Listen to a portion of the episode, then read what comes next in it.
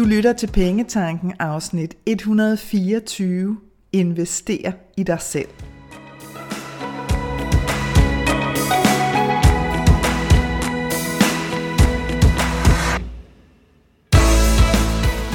Velkommen til Pengetanken. Jeg hedder Karina Svensen. Jeg fokuserer på hverdagsøkonomi med et livsfokus. Når du forstår dine følelser for dine penge og dine tankemønstre omkring din økonomi, så har du direkte adgang til det liv, som du ønsker at leve. Lad os komme i gang. Den mest kostbare ressource af alle er tid. Den er kostbar, fordi at den forsvinder i det øjeblik, den er gået, og den tid kommer aldrig tilbage.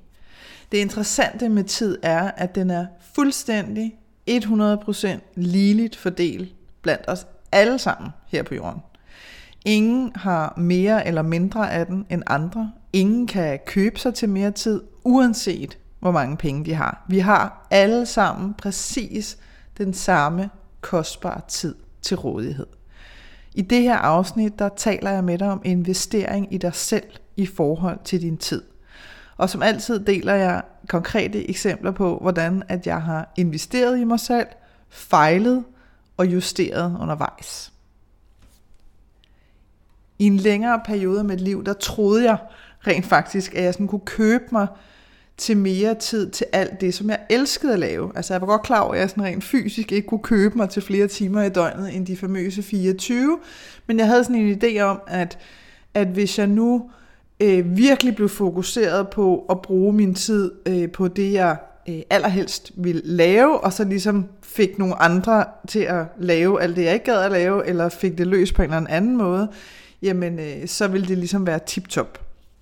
Men det skulle rent faktisk vise sig at være en facade, som jeg først i de seneste par år her i virkeligheden er kommet bagom og rigtig har forstået, hvad egentlig handler om. Og hvis jeg skal give dig et helt konkret eksempel på det, så var det øh, for eksempel, da jeg hyrede rengøringshjælp til mit hjem. Fordi allerførste gang jeg gjorde det, var også allerførste gang, at jeg var selvstændig. Og min forklaring til mig selv var, jeg orkede ikke at gøre rent, eller sagt sådan helt nede på jorden, jeg gad simpelthen ikke at gøre rent, jeg gad ikke at bruge min tid på at gøre rent, og når jeg endelig kom hjem, øh, og jeg gad heller ikke at have dårlig samvittighed over, at der ikke var rent. Så jeg ville gerne have, at der var rent, jeg gad bare ikke selv gøre det. Så tænkte jeg, fint, vi hyrer rengøringshjælp. Og i en årrække, der gik det faktisk vældig fint. Øh, mest af alt, fordi at jeg øh, sjældent var hjemme, fordi jeg knoklede øh, ryven ud af bukserne. Øh, men på et tidspunkt, så begyndte det rent faktisk at blive en belastning. Fordi at jeg følte mig begrænset i, at jeg kunne ikke være hjemme de dage, der blev gjort ren. Og det var selvfølgelig noget, jeg selv bestemte, fordi jeg kunne sagtens have været der, mens der øh, blev gjort ren. men jeg synes bare, at det var irriterende for mig at være der. Altså på en eller anden måde. Øh, så irriterede det mig, at jeg var der, mens at der blev gjort rent. Så lige pludselig, så, så fik jeg sådan sat mig selv i, på sådan en begrænsning, der hed, jamen de dage, der bliver gjort rent, der kan du altså ikke være hjemme. Øh, eller sove længe, eller lave om på, du ved, rytmer, eller komme hjem tidligere, eller, eller ej, jeg vidste aldrig helt, hvornår de var der, fordi de havde sådan et eller andet vis tidsrum, de kunne komme og gøre rent i, hvilket var super fint.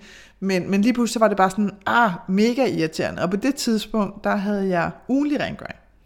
Og så kan jeg huske, at jeg først prøvede at tænke, om, okay, så hver 14. dag er også fint, ved, fordi jeg har hverken børn eller husdyr eller noget som helst, så så beskidt var der så heller ikke.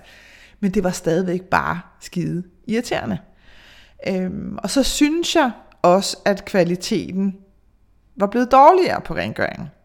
Hvilket 100% ikke er sandt. Men det var bare sådan endnu en ting, jeg sådan kunne bruge til at, at irritere mig over. Og, og, og man kan sige, hvis jeg sådan skal, skal kigge på det i dag, så er det jo, jeg ved ikke om du selv kender det, men det her med, at hvis vi godt kan mærke, at der er noget, der er ved at være slut. Det er som om, der er sådan en cyklus, der er ved at være afsluttet. Og det kan, det kan være job, det har jeg i hvert fald selv oplevet. Det kan være rengøring, ligesom jeg stod i den konkrete situation. Det kan være et venskab. Det kan være mange forskellige relationer. Men det er bare som om, at, at når man ligesom er ved at nå til, til enden af den her cyklus, og hvis, hvis vi ikke helt vil anerkende, at nu er det faktisk ved at være slut, jamen så er det, at der begynder at komme de her ting, altså flere og flere ting, der bliver irriterende, eller mærkelige, eller laver ballade på en eller anden måde. Og det gjorde det så også her for mig med rengøring. Først var det skide irriterende, at jeg ikke bare kunne være hjemme, når jeg havde lyst, øh, og ikke bare kunne sove længe, hvilket også i sig selv var åndssvagt, fordi det gjorde jeg ikke alligevel, men bare det, at jeg ikke kunne, var irriterende. Og så lige det der med, så synes jeg for øvrigt heller ikke, at det var godt nok længere. Ikke? Så, så var vi ligesom, så var vi ved at være der. Og på et tidspunkt, så sker der det, at min rengøringshjælp skal på ferie i sådan længere tid. Jeg tror, det var en måned. Og så tænker jeg ved mig selv, hmm, du ved, gad jeg have en afløser på? Nej, det gad jeg ikke. Tænker du, jeg, jeg, det er en, en afgrænset periode. Jeg tager den selv. Så jeg tænkte, den napper jeg. Og det, der sker, det er, at jeg ligesom tænker, okay, du kan lige så godt få det bedste ud af det, så du ved, gang i støvsugeren, og da støvsugningen så er færdig, så får du sat noget musik på, og så bare give det gas, sådan give den gas på, på resten af rengøring. Og det var også lidt interessant det der med, med musik, fordi det der med sådan at få skabt en stemning, så var det sådan, så havde jeg lyst til at høre, altså, og du må virkelig ikke spørge mig hvorfor, eller jeg ved godt hvorfor, men det er en helt anden historie, så blev det sådan noget keltisk musik, så blev det sådan noget Narnia baggrundsmusik, så var det salsa, så var det jazz, så var det alt muligt. Og det havde jeg en fest med, det synes jeg var mega sjovt, og så bare øh, gøre rent. Og et par timer senere, og grunden til, det kan man tænke, okay, hvor stor er din bolig? Den var større end den, jeg bor i i dag, men fordi at jeg jo havde givet mig god tid, og ligesom havde haft lidt en fest med at gå der og høre musik, og jo var kommet ud i alle krone. Selvfølgelig også der, hvor min rengøringshjælp ikke var kommet ud, mest af alt, fordi det ikke var aftalt. Øhm, hvor jeg sådan virkelig havde været grundig. Altså du ved den der fornemmelse af, hvor man sådan tænker, det var rart lige at få tørret af oven på køkkenskabene, eller hvor filer man nu bare tænker, åh, oh, det trænger altså også. Da så jeg var færdig, der var det jo, det føles fantastisk. Ikke? Og udover det, jamen, så havde jeg hørt god musik, du ved, og alt var godt. Så for mig, der var det som om, at, at det var mere end bare sådan handling rengøring. Det føltes vidderligt nærmest som sådan en udrensning. Altså det her med, at støvet var kommet ud fra alle krogene, der var, det var fjernet fra toppen af panelerne, du ved, altså jeg virkelig kommet igennem. Øh, og samtidig så føltes det også nærmest som sådan en, en stor forkælelse til mig selv, fordi at jeg havde valgt at bruge min tid på noget, fordi jeg havde jo selv valgt, at jeg ikke ville have afløser, så jeg har simpelthen valgt at bruge min tid på noget, som jeg nød resultatet af flere dage efter. Og jeg ved ikke, om du selv kender den her, men, men for eksempel øh, på badeværelset. Nu har jeg min, øh, min tørretumbler stående ude på badeværelset. Og der sker altså bare det, hvis man har hvide flader, hvilket jeg har på mit badeværelse, jamen så bliver der bare stødet. Det gør der sådan set allerede efter en uge. Øh, og hvis der så går 14 dage, så er der rimelig meget mørk støv, fordi nu har jeg mørke håndklæder, så der er rimelig meget mørk støv derude. Og det der med, at det bare er fjernet. Du ved, at kalken er fjernet øh, fra øh, hvad hedder sådan noget, bundproppen i vasken. Altså sådan nogle åndssvage ting i virkeligheden, men det der med, ah, det føles bare rart. Og at man sådan, du ved, man, man fik heller ikke trådt på en eller anden krumme på gulvet hele tiden. Jeg ved ikke hvorfor, men, men måske kender du også det selv. Man har sit køkken, og der er måske muligvis en krumme, og det føles seriøst, som om man går og træder på 100 af dem. Så, så den her sådan følelse af, yes, det var dejligt, det resultat, det var ret fedt at nyde. Øhm, og fordi at, øhm, at min rengøringshjælp jo var på ferie i flere uger, så fik jeg ligesom lov til at have den her oplevelse med min egen rengøring flere gange. Øh, og, og samtidig så havde jeg jo den her tilgift i, at jeg følte mig fri, fordi nu kunne jeg være hjemme, som det passede mig, og jeg kunne lave om på min arbejdsrutine, som det passede mig. Jeg kunne komme hjem tidligere, som det passede mig. Der var ikke et eller andet med, uh, at den der tirsdag, eller hvornår fileren det nu var, nu kan jeg ikke engang huske det, fordi det er så lang tid siden. Men, men jeg kunne gøre, som det passede mig på alle dage. Øhm, og det var ikke det var ikke fordi, at jeg sådan var blevet afhængig af selv at gøre rent, fordi det tror jeg seriøst aldrig, jeg bliver afhængig af. Jeg er nået til det punkt, hvor jeg ikke har noget imod det, vil jeg sige. Altså, sådan lidt ligesom at skifte sengetøj, hvor jeg siger, det gør ikke, altså, det generer mig ikke, det er ikke noget, som sætter mig i en sådan tilstand af total begejstring, men det generer mig heller ikke. Så, så det gør mig ikke noget. Så det var ikke, fordi jeg var blevet sådan afhængig af selv at gøre rent, men jeg var blevet afhængig af min følelse af frihed over selv at kunne bestemme, hvornår jeg kunne være hjemme. Og pludselig så opdagede jeg bare, at den frihed, den var meget mere værd for mig, end det, at der blev gjort rent. Øh, og jeg har efterfølgende i perioder prøvet at vende tilbage, fordi så stoppede jeg rent faktisk med min rengøring, da det ligesom gik op for mig og tænkte, okay, det her det er skørt, fordi hvis du bliver ved med at gå og bruge penge på noget, som ikke længere øh, giver dig den tilfredshed, det jeg har gjort tidligere, eller den begejstring, eller den glæde, så giver det ikke nogen mening. Så er du nødt til at stoppe med det. Og efterfølgende, der har jeg faktisk prøvet at vende tilbage til sådan en professionel rengøringshjælp. Fordi jeg sådan igen fik bildt mig selv ind, ah, jeg har ikke tid til det. Igen kun for at blive mindet om, min frihed bliver begrænset, jeg blev irriteret over kvaliteten, som ikke fejlede noget som helst. Men, men det her med, at jeg godt kunne se, okay, samme mønster, let it be. Og det her med, at jeg ikke havde tid til at gøre rent, det er jo i virkeligheden bare en historie og en følelse. Fordi jeg har præcis de samme 24 timer i døgnet, som jeg altid har haft. Så alt handler jo i sidste ende om prioritering af vores tid, og det er der kun én, der kan gøre, og det er ligesom os. Øhm, et andet eksempel, jeg er kommet i tanke om her til dig, det er bøger. Fordi jeg elsker at læse. Jeg har altid læst rigtig meget, og jeg læser hurtigt. Fordi når jeg går i gang med at læse en bog, så den bedste måde, jeg kan beskrive det på, det er i virkeligheden, at det bliver, det er nærmest som om, det bliver omdannet til en film. Så jeg sidder ikke og tænke over, at jeg bladrer, øh, men det kører ligesom bare. Det lever ligesom sit eget liv, når jeg læser. Derfor så føles det også nærmest som at gå ind i sådan en anden dimension, hvor at, at tiden bliver opløst, og jeg bliver opslugt af den her bog.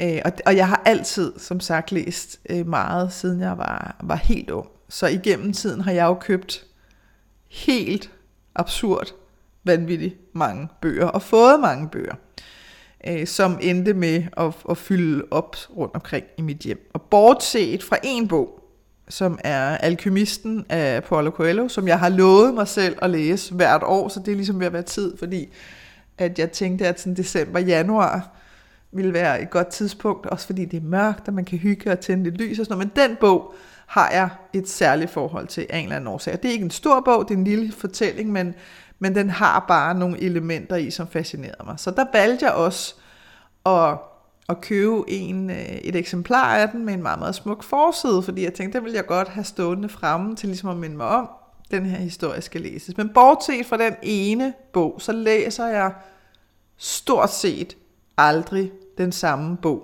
igen. Og så kan jeg så lige lave en undtagelse på den uendelige historie, som jeg er i gang med at læse, som jeg læste første gang, da jeg var 18. Men det er en helt anden historie. Men ellers så læser jeg en bog, og så er den der ligesom bare. Så jeg ved ikke, om du kan forestille dig men det der med, du ved, altså, at man har bøger alle vejen, og jeg har aldrig haft store bogreoler eller noget som helst, fordi det har jeg ikke haft lyst til at have. Så bøger endte jo bare op med at blive en belastning. Øh, og først, der havde jeg sådan et, øh, en, øh, et loftrum, kan man sige, inde i min lejlighed. Der kunne stå rigtig mange bøger. Det var fedt, fordi så kunne de jo bare blive læst derop, så behøver jeg ikke at forholde mig til dem. Jeg ved så ikke, om du kan forestille dig, når så man skal flytte. Oh my god. Altså, de der blå IKEA-poser, øh, kender du sikkert godt, ikke? de er store, eller hvad hedder sådan noget, det er nærmest sække. Altså jeg har fyldt tonsevis af dem. Jeg har spurgt alverdens kvindehjem, om jeg måtte komme og aflevere, fordi jeg tænkte, okay, der er altså nogle, øh, nogle kvinder her, det kunne være, at de havde lyst til at læse nogle bøger, mens de var på de her hjem og sådan noget. Alle har taget vel imod, og alt er skønt, og alt er blevet givet videre og sådan noget, men i guder, hvor jeg har gjort det mange gange, og til sidst, så blev det bare virkelig skide irriterende. Og så skete der faktisk det, det skete sådan egentlig uden at jeg rigtig bemærkede det, så, så holdt jeg op med at købe bøger. Og det vil sige, at jeg holdt jo op også, jeg holdt jo også op med at læse. Øh, så jeg stoppede altså med at gøre noget, som jeg elskede at gøre, bare fordi, at det blev irriterende, at jeg skulle skille mig af med de her bøger, altså selve handlingen med at finde ud af, hvor skal de hen, fordi jeg bare ikke brød mig om at smide dem ud. Jeg tænkte, det er fuldstændig åndssvagt, at de er blevet bladet igennem en eneste gang. Og der skulle, der skulle faktisk gå flere år, og, og spørg mig ikke hvorfor, fordi den, der har jeg stadigvæk sådan lidt, wow, det er alligevel lidt vildt med noget, som, som jeg var så glad for at gøre. Men der skulle gå flere år, før det gik op for mig, og det lyder fuldstændig åndssvagt, når jeg siger det, at biblioteket jo i den forbindelse er en fuldstændig genial opfindelse for sådan en som mig. Og jeg kan simpelthen ikke, altså jeg kan ikke huske jeg tror muligvis ikke, at jeg har brugt biblioteket siden jeg var barn. Øhm, så jeg kan huske, Og der boede jeg, der boede jeg i en anden by, da jeg skulle ned, og det, det er et par år siden. Og jeg tænkte, okay, det, det bliver jeg da simpelthen nødt til at prøve. Jeg bliver nødt til at gå ned på biblioteket, og så, og så låne nogle bøger.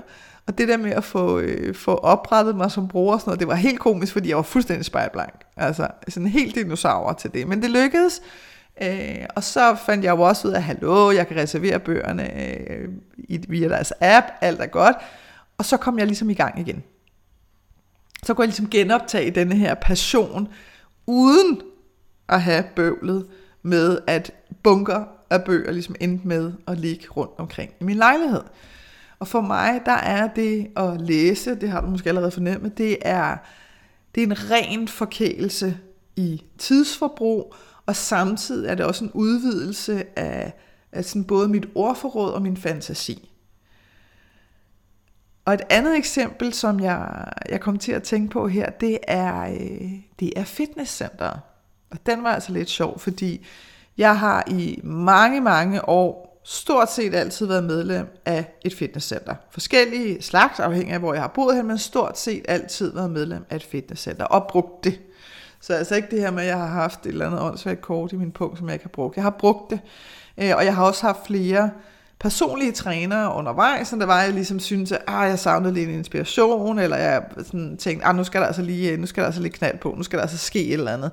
Så, øh, så har jeg benyttet mig af dem. Og så lige pludselig, så fik jeg sådan en idé om, ej, det ville da være mega fedt at træne udenfor. Hvilket jo er, er en fantastisk idé at få, når det er sommer og sol, og, øh, og vejret øh, er godt i mange dage i streg. Og det, det kan også noget. Altså udendørs træning kan helt klart noget. Især når vejret er godt. Men jeg blev bare alligevel aldrig helt bit af det. Altså fordi jeg kunne godt, godt gøre det, da jeg var medlem af et fitnesscenter. Jamen så kom jeg, altså jeg har aldrig haft den her med, åh, så kommer jeg ikke afsted, fordi jeg gider i virkeligheden ikke. Øhm, fordi jeg har faktisk altid syntes, at det var sgu ret fedt. Så er der mange, som har lavet den der, jamen så er det fedt bagefter. Og det er det også, men, men jeg har da også bare sådan lidt, altså, jeg har ikke lyst til at gøre noget flere gange om ugen, hvor jeg føler, at jeg skal overtale mig selv til det. Så vil jeg hellere finde en anden vej rundt om det, fordi det synes jeg alligevel er, det bliver for irriterende på en eller anden måde. Så det har aldrig været min udfordring. Men jeg, det der med udendørs træning, ligesom jeg sådan tænkte, hallo, øh, det bliver da super fedt, og du kan gøre det når som helst og hvor som helst.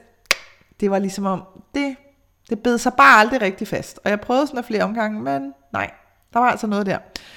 Øhm, og jeg kan godt men sige, det er det, der er for mig med træning, som også er sådan lidt åndssvagt, fordi hvad er træning i virkeligheden? Ikke? Altså vi har jo nærmest fået gjort bevægelse til træning. Ikke? Øh, bare det, vi går en tur, så har vi nærmest trænet. Men sagen er den, at jeg kan godt lide bevægelse, altså at flytte min krop. Og jeg kan godt lide at mærke styrken i mine muskler, og måske er det, fordi jeg sidder ned en stor del af min tid. Måske er det, fordi jeg ved, hvem ved, vi ved det ikke. Men, men den her følelse af bevægelse, og så den her følelse af sådan at kan mærke styrken i kroppen. Øh, og, og, og måske også en stabiliteten i kroppen, det synes jeg er mega fedt.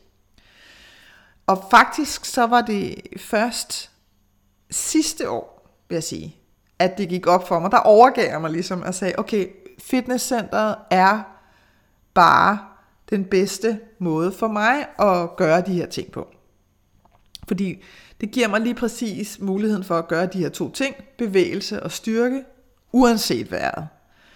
Øh, og jeg elsker løbebånd, fordi jeg kan vælge min øh, hastighed sådan efter temperament på dagen. Jeg har ikke sådan et eller andet fast program, men så gør jeg dit, den, den, anden. Det er sådan lidt med, hmm, hvad har jeg lyst til på dagen? Og nogle gange så er det bare stille og roligt tempo, interval, andre gange så er det sprint. Så det, så det er sådan meget forskelligt, men det synes jeg egentlig også er meget cool at lege med den her frihed i, at jeg bevæger mig stadigvæk med, hvad har jeg lyst til, og hvad har, du ved, er mine ben trætte, eller er der ligesom, øh, er der ligesom brug for, at der kommer lidt knald på. Øh, og så er jeg til frie håndvægte. Jeg hader maskiner, så jeg er sådan ret primitiv i det her træningscenter. Det er løbebånd og frie håndvægte. Men det, jeg synes, der er fedt ved frie håndvægte, og de tunge af slagsen, vil jeg mærke, det er, at de tvinger mig ligesom til at være rolig, fordi ellers så går det simpelthen galt. Altså det der med at smække sig selv i hovedet med sådan 20 kilos håndvægt, that's not even funny. Og, og så skal vi ikke snakke om, hvorfor jeg ved det. Det lader vi være. Men, men du er nødt til, når det er det tunge vægte, så er du nødt til at være rolig og bevidst om hver øvelse. Og det gør også, at du er du bliver ligesom sådan tvunget til at være til stede lige nu og her. Du er nødt til at tænke over din vejrtrækning, fordi det at holde vejret, mens man træner, er heller ikke ideelt. Øhm, og, og, og så er der et eller andet for mig. Jeg er ikke til det der med, at man laver sådan 10-20 gentagelser. Det synes jeg er mega kedeligt, så vil jeg hellere lave 5, men så er det tungt. Og igen det der med, at jeg kan mærke styrken. Så for mig, der handler det at gå i fitnesscenter altså mere om indre velvære, end det handler om udseende. Som sidegevinst, så har jeg bemærket, at mit sind åbner sig op i de perioder, hvor min træning er sådan rimelig konsekvent. Øhm, det er bare som om, at jeg får sådan et større perspektiv på tingene, og det kan jeg altså sige, det har jeg ikke altid nødvendigvis brug for, men jeg får masser af nye idéer til nye tiltag, både i sådan min forretning og mit liv. Så mine kære omgivelser er, øh, er rimelig vant til at høre sætningen, jeg har fået en idé, og den er mega fed, og så ruller den. Og som regel, det bliver jeg så nødt til at sige, det vedkender jeg mig øh, som ros til mig selv, så er de idéer også skide gode, så det er, føles nærmest som om, at der sådan bliver åbnet til en portal af kreativitet, når jeg, øh, når jeg bevæger mig og, og, og får sådan styrket min krop. Det er ret interessant.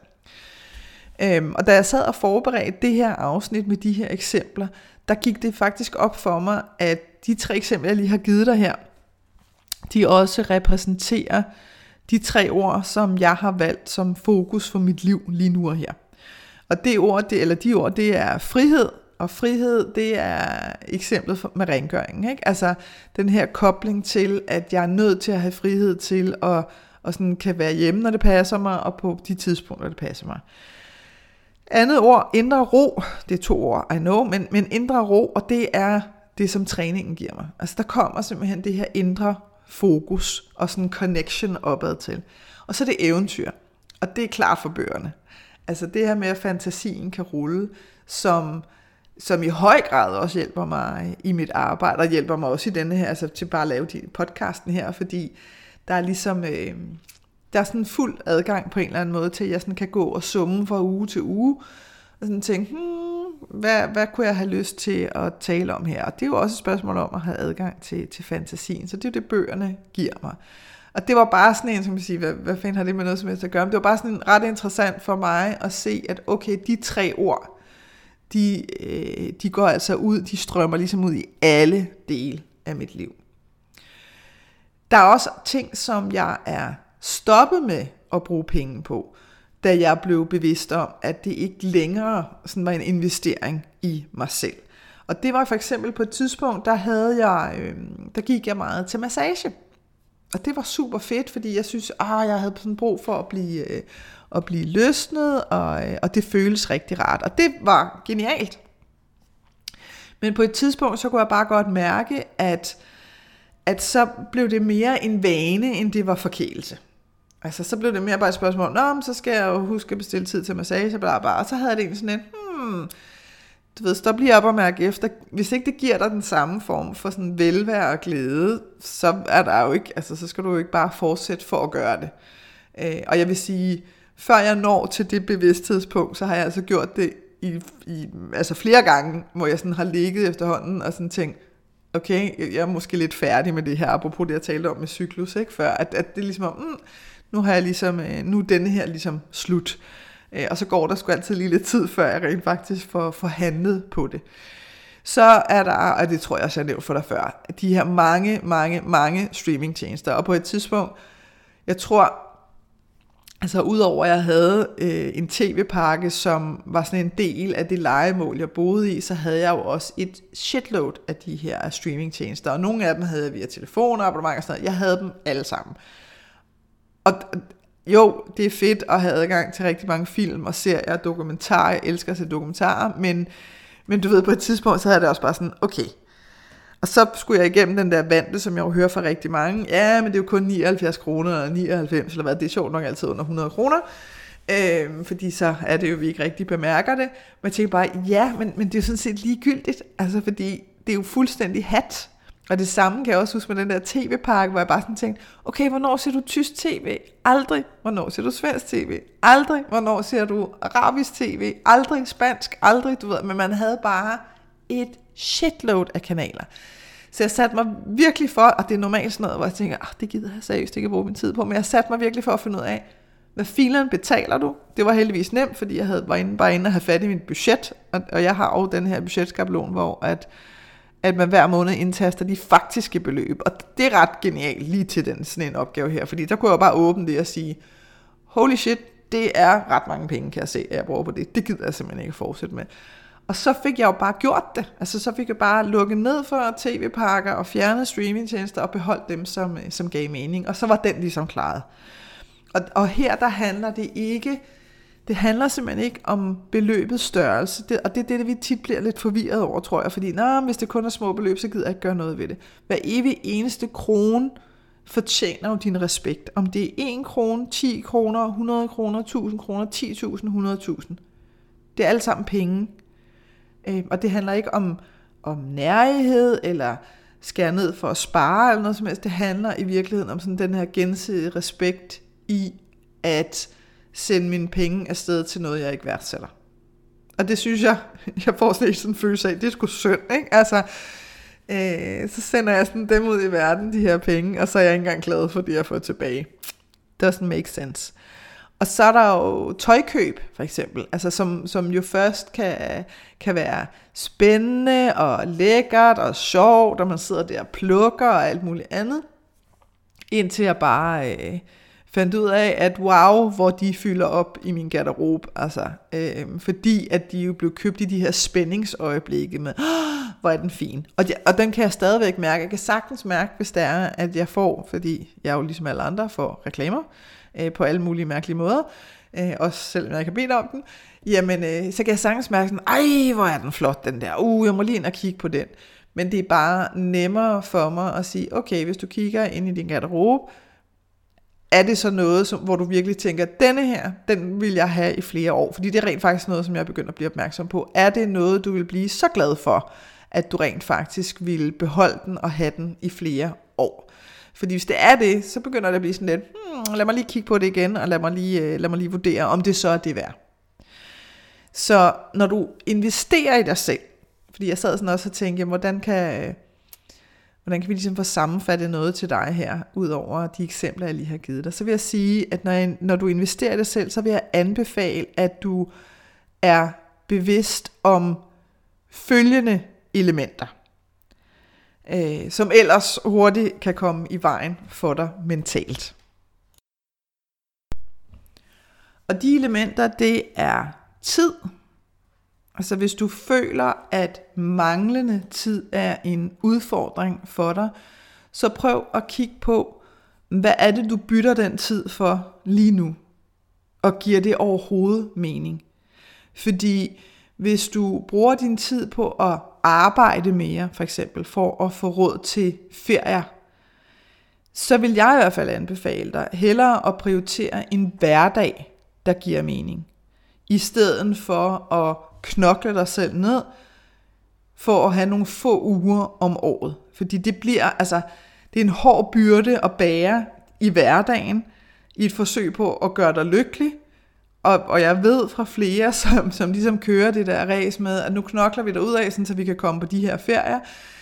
Altså det er en hård byrde at ligge på ferien, ikke? fordi forventningerne til den her ferie, de bliver jo sådan fuldstændig øh, altså astronomisk høje. Øhm, og tit, så ender vi i sådan lidt en skuffelsestilstand, fordi når vi så kommer tilbage, jamen stod det så mål med, at du har knoklet i alle de her måneder. Og, og forstå mig ret, en ting er, hvis, hvis du har sådan en eller anden mit livs rejse du ved, og så knokler der fuldstændig øh, solen sort øh, i et år eller to eller sådan noget, og så tager ud og rejser i tre måneder, et halvt år eller sådan noget. Det er en anden, det er en helt, helt anden form for rejse.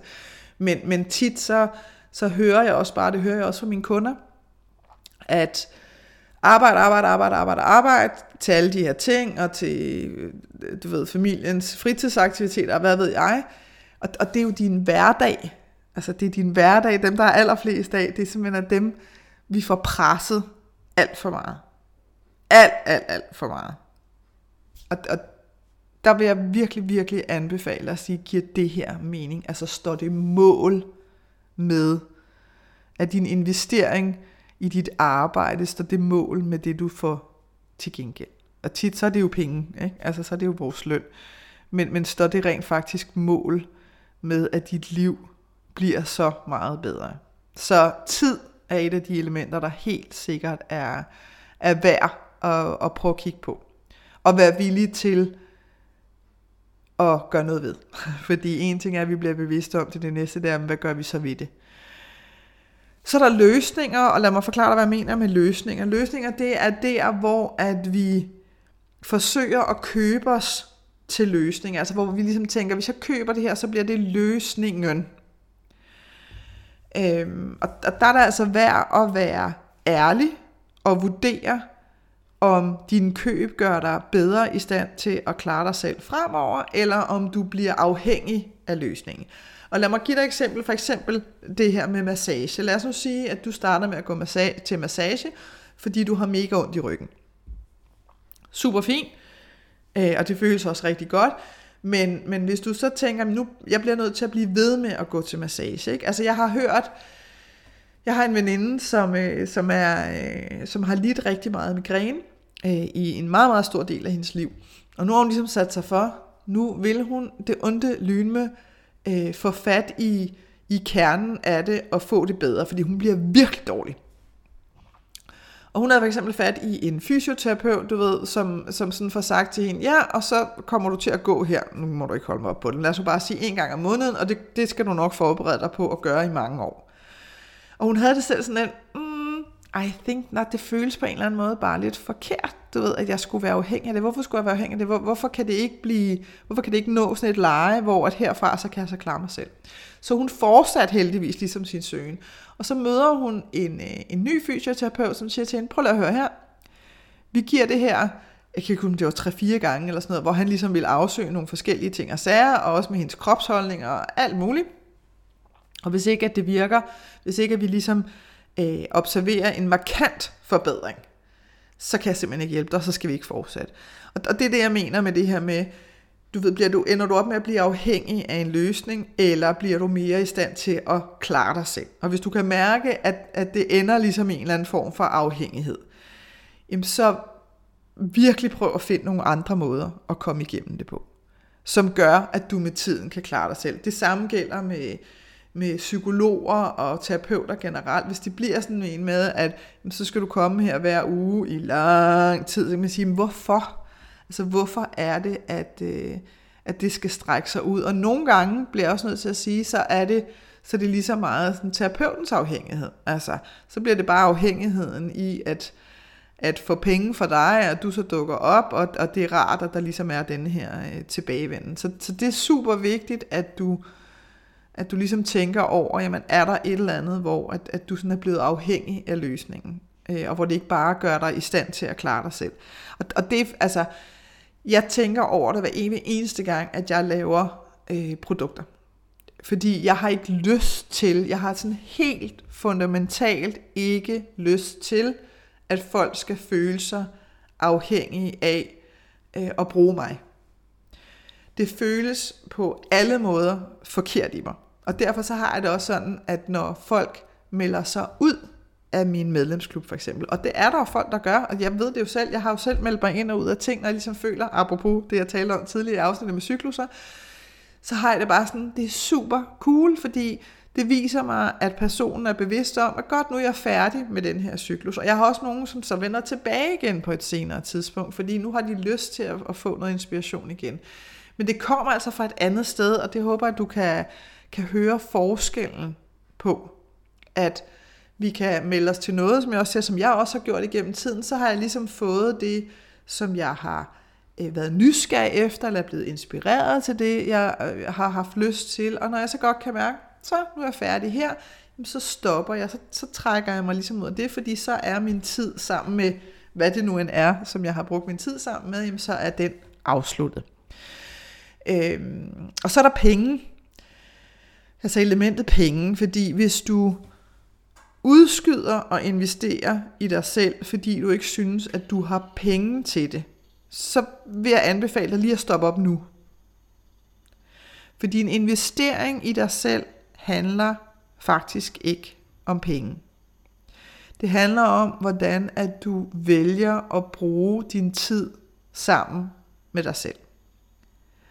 Og der er mange ting, hvor vi kan finde alternativer, som ikke koster dig noget, eller som koster meget mindre. Så penge må aldrig blive en undskyldning for, at du ikke prioriterer dig selv. Og tag nu for eksempel mit eksempel med biblioteket. Det koster 0 kroner at låne en bog på biblioteket. Så det er et meget godt eksempel. En bog, en fysisk bog, koster 300 kroner. Og hvis du er sådan en, der tænker, at jeg elsker, elsker, elsker at have mine bøger, super cool. Men det er bare for at sige, at der er alternativer. Øh, så, øh, så lad mig gentage, penge må aldrig blive en undskyldning for, at du ikke prioriterer dig selv. Din tid er din mest værdifulde ressource, så brug den for Guds skyld til din fordel. Og hvis du ofte føler, at din økonomi begrænser dig i dine sådan, ønsker for fremtiden, så vil jeg varmt anbefale dig at starte med at få lavet et budget for dig selv en gang for alle, som du bruger aktivt i dit liv. Et budget handler i virkeligheden meget, meget lidt om beløb og Excel-ark, og rigtig, rigtig meget om overblik, økonomisk selvtillid, fordi du lærer, at det, som, som du vurderer, det er rigtigt. Altså det her med, at du får simpelthen en bekræftelse på, ah, det jeg troede, og det jeg har undersøgt, det holder sådan stik måned efter måned. Og så er et budget faktisk opdagelsen af muligheder. Et budget, det handler ikke om, at du skal begrænse dig selv, men faktisk nærmest om det modsatte. At blive bevidst om, hvordan kan du indrette din økonomi, sådan så den giver mening for det liv, som du har lyst til at leve. Og når jeg siger, at det bliver sådan en oplevelse eller opdagelse af muligheder, så er det, og det er noget, man altså kun kan, man kan simpelthen kun opleve det ved at komme i gang. Og det er den der aktive handling, ikke? fordi du kan sidde og ønske dig rigtig meget, og have lyst til rigtig meget, men hvis ikke du sætter handling bag, så sker der nul og en skid. Så undervejs, hvor du sådan måned for måned får konstateret, hey, det holder, det holder stik, jeg har forstået det, alle de her ting og sager omkring dit budget, jamen så begynder du simpelthen at åbne op. Øh, og at åbne op, det bliver for eksempel, ligesom jeg forklarede med de her tv-parker, du ved, og tænker, hey, gider jeg faktisk at bruge penge på det her? Giver det rent faktisk nogen mening for mig? Øh, så, så du kommer til meget hurtigere at handle på det, når det er, at du finder ud af, det der gider jeg ikke at bruge penge på, men til gengæld, så gider jeg rigtig godt at bruge dem på det her over. Og det gør altså, at du lige pludselig får det der øh, naturligt tætte forhold til dine penge. Fordi penge er en helt normal, vedvarende, naturlig del af vores liv. Så vi skal simpelthen have dem tættere på os, og det skal vi altså ved at, at, at tage magten tilbage over vores økonomi. Og hvis du gerne vil have hjælp til at lave et budget for dig selv, fordi der sidder måske nogle af jer derude og tænker, ja tak, da jeg lavede et budget sidst, det var der banken bad om et i en eller anden forbindelse, øh, og jeg har da måske prøvet nogle gange, du ved, men, men så synes jeg altid, at min øh, budgetkonto alligevel går i overtræk, eller så kan jeg ikke finde ud af, du ved, skal jeg splitte beløbene op, skal jeg dele dem ud på hver måned, hvad skal jeg gøre, selvom det kun bliver trukket en gang om året, jeg er forvirret, jeg ved det ikke helt, og så kommer man måske ikke rigtig i gang. Så, hvis det er, at du gerne vil have hjælp til at lave et budget, som holder hver måned, og som du aktivt bruger i dit liv, så vil jeg anbefale dig, at du køber adgang til mit online kursus, der hedder Budget. Og det finder du inde på min hjemmeside, www.kenddinepenge.dk. I topmenuen der er der et punkt, der hedder Shop, og derinde der ligger, øh, der ligger budget online kurset. Det koster 295 kroner. Det består af enkle, korte videoer, bare fordi de sådan, altså jeg overgår ikke de der videoer på halve hele timer selv, så enkle, korte videoer, og så den budgetskabelon, som jeg har omtalt her i afsnittet, øh, som er super simpel at bruge, med præcis de oplysninger, der skal til for at give dig overblikket over dine behov. Og online-kurser, det er, det er faktisk præcis den type investering, hvor at du bliver ikke afhængig af, at du skal bruge mig, men du flytter magten tilbage til dig selv. Du bliver simpelthen i stand til øh, at håndtere din økonomi på en anden måde. Så du får altså en skill, en egenskab, som du kan bruge for evigt. Du lærer at lave et budget, som hænger sammen for dig, og så finder du også ud af, hvor enkelt det er at justere, når der er behov for det, sådan, så det ikke bliver den her sådan kæmpe dramatiske ting med, ej, det orker jeg ikke, mand, det tog mig en evighed at lave, og nu skal der ligesom til. Du finder ud af, hey, det her det er faktisk ret nemt at navigere i. Slutlig så vil jeg bare sige til dig, at budgettet er hjertet i din økonomi, og det er en herlig mulighed for dig til at skabe et ærligt og kærligt forhold til dine penge. Og som lige et lille PS, så vil jeg anbefale dig at ligesom se den proces med budgettet som en GPS. Fordi når du har et eller andet, en eller anden destination, du gerne vil nå til, og i den her forbindelse, så kan det være, at du siger, at jeg vil bare gerne nå dertil, hvor jeg har overblik over min økonomi, eller min økonomi, og jeg har ro i maven, og der er tryghed for, at der er penge nok til de her øh, udgifter, og de her ting, som jeg gerne vil have. Hvis det ligesom er destinationen, altså målet lige med, med den handling, så er du nødt til, hvis, hvis GPS'en ligesom skal bringe dig derhen, så er GPS'en simpelthen nødt til at vide, hvor står du hen nu. Fordi ellers er den sådan lidt, jamen jeg vil rigtig gerne bringe dig frem til målet, men hvis ikke du vil fortælle mig, hvor du er nu, så kan jeg ligesom ikke give dig ruten. Øh, og det er faktisk et meget godt billede af det, som dit budget kan gøre for dig. Det er at vise dig, hvor er du lige her og nu, og så er det dig, der sætter øh, ruten for den destination, som du gerne vil nå hen til. Jeg håber, at det her afsnit fra Pengetanken har været med til at inspirere dig til at skabe et liv for dig selv med penge nok til det, som du ønsker dig. Og hvis du tænker, at nu skal der ske noget, så gå ind på min hjemmeside www.kenddinepenge.dk og se, hvad dit næste skridt skal være. Vi høres ved.